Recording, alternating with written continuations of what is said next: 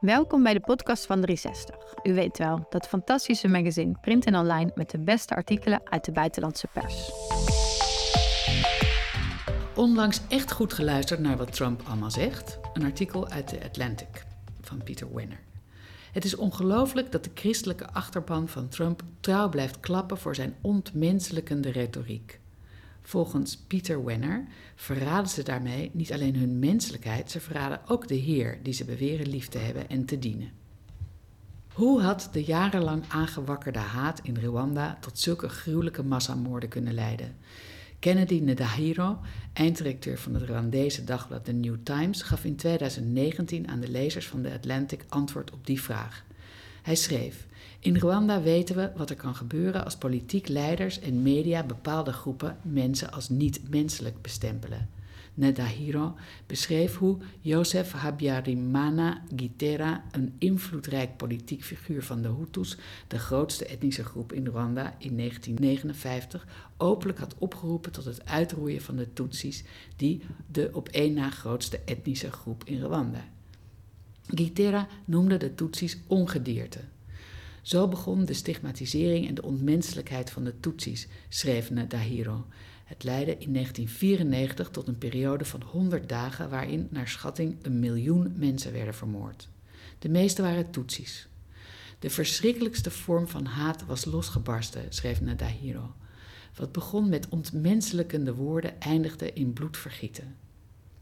Op Veteranendag, toen Donald Trump zijn vijanden in een toespraak ongedierte noemde, moest ik terugdenken aan dat begin van de Rwandese genocide. We beloven jullie dat wij het ongedierte gaan uitroeien. Alle communisten, marxisten, fascisten en de radicaal linkse schurken die in ons land leven. Die liegen en stelen en verkiezingsfraude plegen, zei Trump aan het slot van zijn toespraak in Claremont, New Hampshire. Ze zullen alle legale en illegale middelen inzetten om Amerika en de Amerikaanse droom te vernietigen. Hij ging verder. Een dreiging die van buitenaf komt, is veel minder sinister, veel minder gevaarlijk en veel minder ernstig dan een dreiging van binnenuit. Onze dreiging komt van binnenuit. Na Trumps toespraak barstte een luid applaus los. Slechts een paar weken voor die toespraak werd Trump door een presentator van een rechtse website geïnterviewd over immigratie en de Zuidgrens. Had u ooit gedacht dat u in Amerika zo'n bloedbad zou zien? vroeg de interviewer aan Trump. Nee, niemand heeft ooit zoiets gezien, antwoordde Trump. Ik denk wereldwijd niet. Ik denk dat je nog niet in de ergste bananenrepubliek zult aantreffen wat wij hier nu meemaken. Trump, momenteel koploper in de race om het Republikeinse presidentskandidaatschap, waarschuwde ervoor dat immigranten een directe bedreiging vormen. We weten dat ze uit gevangenissen komen. We weten dat ze uit psychiatrische inrichtingen en gekkenhuizen komen. We weten dat het terroristen zijn. Niemand heeft ooit zoiets meegemaakt als wij nu. Het is heel triest voor ons land. Het bloed van ons land wordt vergiftigd. Op 20 september zei Trump in een toespraak in Iowa: Ze zijn ons land kapot aan het maken. Het bloed van ons land. Ze maken ons land kapot.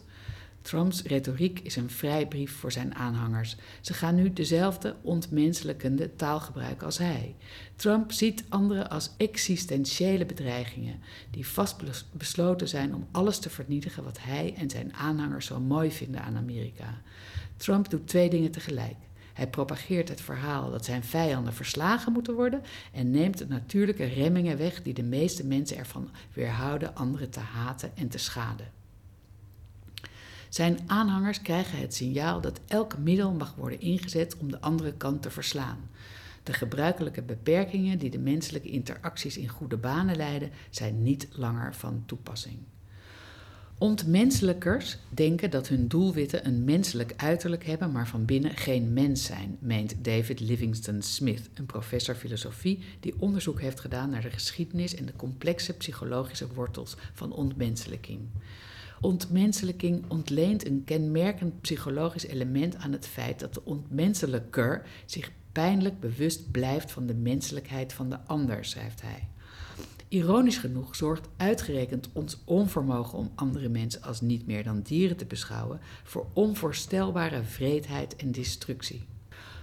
Ontmenselijkte mensen kunnen worden gezien als veel lager dan dieren. Ze kunnen worden veranderd in monsters. Ze zijn niet alleen gevaarlijk, ze vormen een bedreiging. Ze zijn niet alleen onmenselijk, ze zijn onherroepelijk destructief. Dit is het gewiekste retorische en psychologische spel dat Trump speelt en hij speelt het erg goed. Hij is de enige Amerikaanse politicus die aanvoelt hoe hij de haat en wrok van zijn aanhangers kan aanwakkeren en er tegelijkertijd voor kan zorgen dat ze hem niet alleen trouw blijven, maar zelfs aanbidden. Trumps tegenstanders, waaronder de pers, zijn de absolute vijanden van het volk. Trump heeft geëist dat er een onderzoek wordt ingesteld naar het moederbedrijf van nieuwskanalen MSNBC en NBC wegens landverraad. Ze zouden zich volgens hem schuldig maken aan eenzijdige en kwaadaardige berichtgeving. Op zijn sociale netwerk Truth Social heeft hij geïnsinueerd dat de voormalige voorzitter van de Joint Chiefs of Staff, Mark Milley, het verdient om geëxecuteerd te worden wegens landverraad. Dagen later vroeg een van zijn aanhangers bij een Trump-evenement in Iowa waarom Milley niet binnen één maand voor een vuurpeloton zou staan. Een ander zei tegen NBC News: Verraad is verraad. Er is maar één medicijn voor verraad: de dood. Trump maakt geregeld grappen over de gewelddadige aanval op de man van Nancy Pelosi, die daarbij ernstige verwondingen opliep, onder andere een schedelbasisfractuur waarvoor hij geopereerd moest worden. Special Counsel Jack Smith, die twee aanklachten tegen de voormalige president heeft ingediend, zou een Trump-hatende aanklager zijn die gestoord is en een schande vormt voor Amerika. Zijn vrouw en familie zouden Trump nog veel meer verachten dan hij zelf. Trump heeft op Truth Social de naam, een foto en het persoonlijke Instagram-account gedeeld van een ambtenaar in dienst van rechter Arthur Engoron, die momenteel de rechtszaak over Trumps civiele fraude voorzit. Trump veracht Engoron en heeft hem herhaaldelijk aangevallen. Hij noemt hem gestoord en gestoord in zijn haat tegen mij. Trump heeft de post over de ambtenaar die hij een Trump-hating clerk noemde later verwijderd, maar pas nadat hij al op grote schaal was gedeeld. Bij de eerste bijeenkomst van zijn huidige presidentscampagne in Waco, Texas, werkte Trump mee aan een opname van het gevangeniskoor. Dat koor bestaat uit mannen die gevangen hebben gezeten voor hun aandeel in de bestorming van, Amerika van het Amerikaanse kapitool op 6 januari 2021. In het nummer Justice for All zegt Trump de Pledge of Allegiance op terwijl op de achtergrond het volkslied gezongen wordt. Onze mensen houden van hen, zei Trump tijdens de bijeenkomst in Waco over degenen die in de gevangenis zaten. Wat er in die gevangenis gebeurt, het is een hel. Die mensen horen daar niet. De Washington Post identificeerde vijf van de ongeveer 15 mannen die in de video te zien zijn. Vier van hen zijn aangeklaagd voor het aanvallen van de politie. Ze gebruikten wapens zoals een koevoet, stokken en chemische spray, onder andere tegen de agent Brian D. Sicknick, die de volgende dag overleed. Tijdens de bijeenkomst in Waco verklaarde Trump: Ik ben jullie strijder, ik ben jullie gerechtigheid. Hij voegde eraan toe: Voor degenen die onrechtvaardig behandeld en verraden zijn, en dat zijn er veel, ik ben jullie vergelding. Trump heeft 2024 beschreven als onze laatste strijd. Hij is bloedserieus en zijn tientallen miljoenen aanhangers zijn dat ook. De retoriek van Trump is zonder meer fascistisch. Tegenwoordig probeert hij veel openlijker een autoritaire figuur te worden en Amerika te veranderen in een soort autocratie, zegt Ruth Ben Gyat, historicus aan de NYU, in een interview op PBS NewsHour. Dat betekent nog niet dat Amerika, als Trump in 2024 tot president wordt verkozen, een fascistische staat zou worden. Onze instituties zijn waarschijnlijk sterk genoeg om hem te weerstaan. Maar ook dat is niet zeker. Hoe dan ook kan Trump veel dingen doen die Amerika ernstige schade toe kunnen brengen. Trump is uiteindelijk al twee keer bijna afgezet, vier keer aangeklaagd voor maar liefst 91 vergrijpen en schuldig verklaard aan seksueel misbruik en laster. Rechtbanken in New York hebben vastgesteld dat hij of zijn bedrijven bankfraude, verzekeringsfraude, belastingfraude en liefdadigheidsfraude hebben gepleegd. Trump heeft geprobeerd de verkiezingen van 2020 ongedaan te maken. Hij was de katalysator die leidde tot een gewelddadige aanval op het kapitool. En hij heeft gepleit voor afschaffing van alle regels, voorschriften en wetsartikelen, zelfs die in de grondwet. Volgens voormalig vicepresident Dick Cheney, die in vier republikeinse regeringen heeft gediend en in het Huis van Afgevaardigden werkte, is er in de geschiedenis van onze natie nog nooit iemand geweest die een grotere bedreiging vormde voor onze republiek dan Donald Trump. Dat Trump dit alles heeft gezegd en gedaan is geen verrassing. Hij is een diep beschadigd mens, zowel emotioneel als psychologisch. En hij is altijd volledig transparant geweest over wie hij is. Het meest verontrustend zijn de mensen in de Republikeinse Partij die zich tegen beter weten in keer op keer hebben neergelegd bij de verdorvenheden van Trump. Sommigen juichten hem toe, anderen doen in stilte mee. Een paar van hen uiten een beetje kritiek en veranderen dan snel van onderwerp, maar ze laten hem nooit in de steek. Inmiddels weet ik hoe dit afloopt. De meeste republikeinen zouden in een gigantische cognitieve spagaat terechtkomen als ze tegenover zichzelf en anderen kennen wie Trump werkelijk is, maar hem toch trouw blijven. In plaats daarvan zoeken ze manieren om dat innerlijke conflict te sussen. Dus omarmen ze samenzweringstheorieën om te onderbouwen waar ze zo wanhopig in willen geloven. Bijvoorbeeld dat er verkiezingsfraude gepleegd is, of dat het onderzoek naar de Russische banden met met de Trump-campagne van 2016 een hoax was. Of dat Joe Biden overtredingen heeft begaan waarvoor hij moet worden afgezet. Ze geven zich over aan whataboutism, het constante gebruik van irrelevante tegenwerpingen waardoor de discussie ontspoort, en catastrophism, het geloof dat de samenleving op instorten staat om hun steun voor Trump te rechtvaardigen. Ze hebben een vurige psychologische behoefte om te rationaliseren waarom het voor hen op dit moment in de geschiedenis gerechtvaardigd is om te geloven dat het doel de middelen heiligt. Zoals een aanhanger van Trump het eerder deze maand in een e-mail aan mij verwoordde: Trump is beslist niet goed en fatsoenlijk, maar, voegde hij eraan toe, goed en fatsoenlijk brengt ons politiek gezien niet echt ver. En we hebben geprobeerd om het op een goede en fatsoenlijke manier te doen. Maar bij de stembus werkt dat niet. Dus moeten we het op een andere manier proberen. Dat sentiment heb ik vaker gehoord. In 2016, tijdens de Republikeinse voorverkiezingen, schreef iemand die ik al vele jaren via de kerk ken het volgende aan me.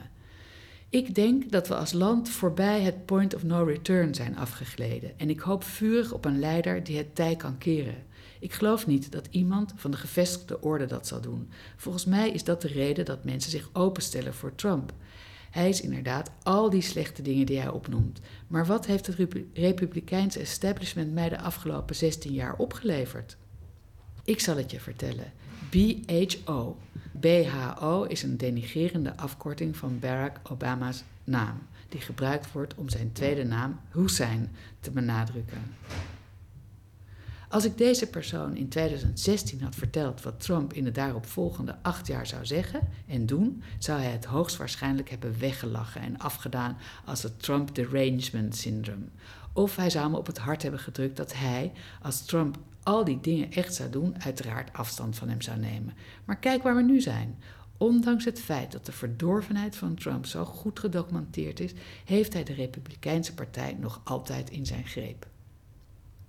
In 2020 haalde hij 94% van de Republikeinse stemmen, een stijging ten opzichte van 2016. Bovendien heeft hij een voorsprong van meer dan 45 punten ten opzichte van de eerstvolgende Republikeinse presidentskandidaat. Witte evangelische protestanten behoren tot de meest loyale achterbaan van de Republikeinse Partij.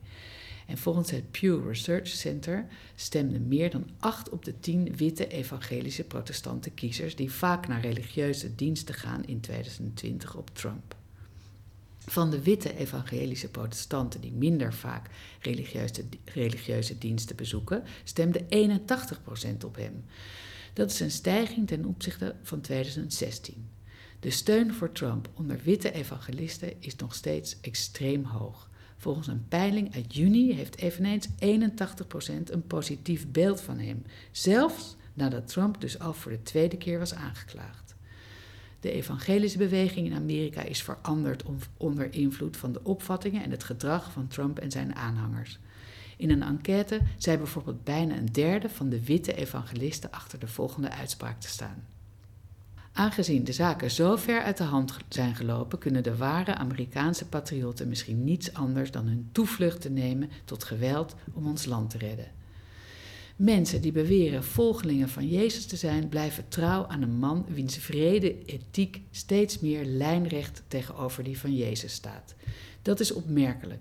Veel mensen die de christelijke invloed op de beschaving bezingen, die propageren dat ieder mens dezelfde rechten en waardigheid heeft, die de lessen van de bergreden en de gelijkenis van de barmhartige Samaritaan vieren en die, in de woorden van mijn overleden vriend Michael Gerson, geloven in een transcendente orde van rechtvaardigheid en hoop die boven de politiek staat, blijven trouw aan een man die Mein Kampf-retoriek gebruikt.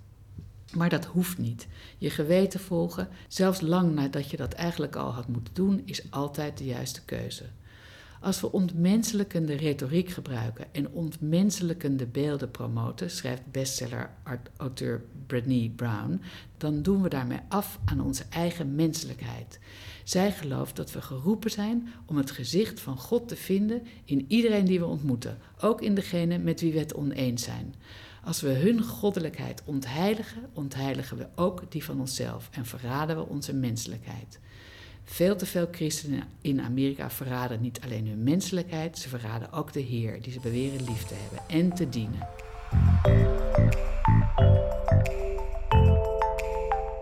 Wilt u meer van dit soort verhalen lezen of beluisteren? Ga dan naar 360magazine.nl.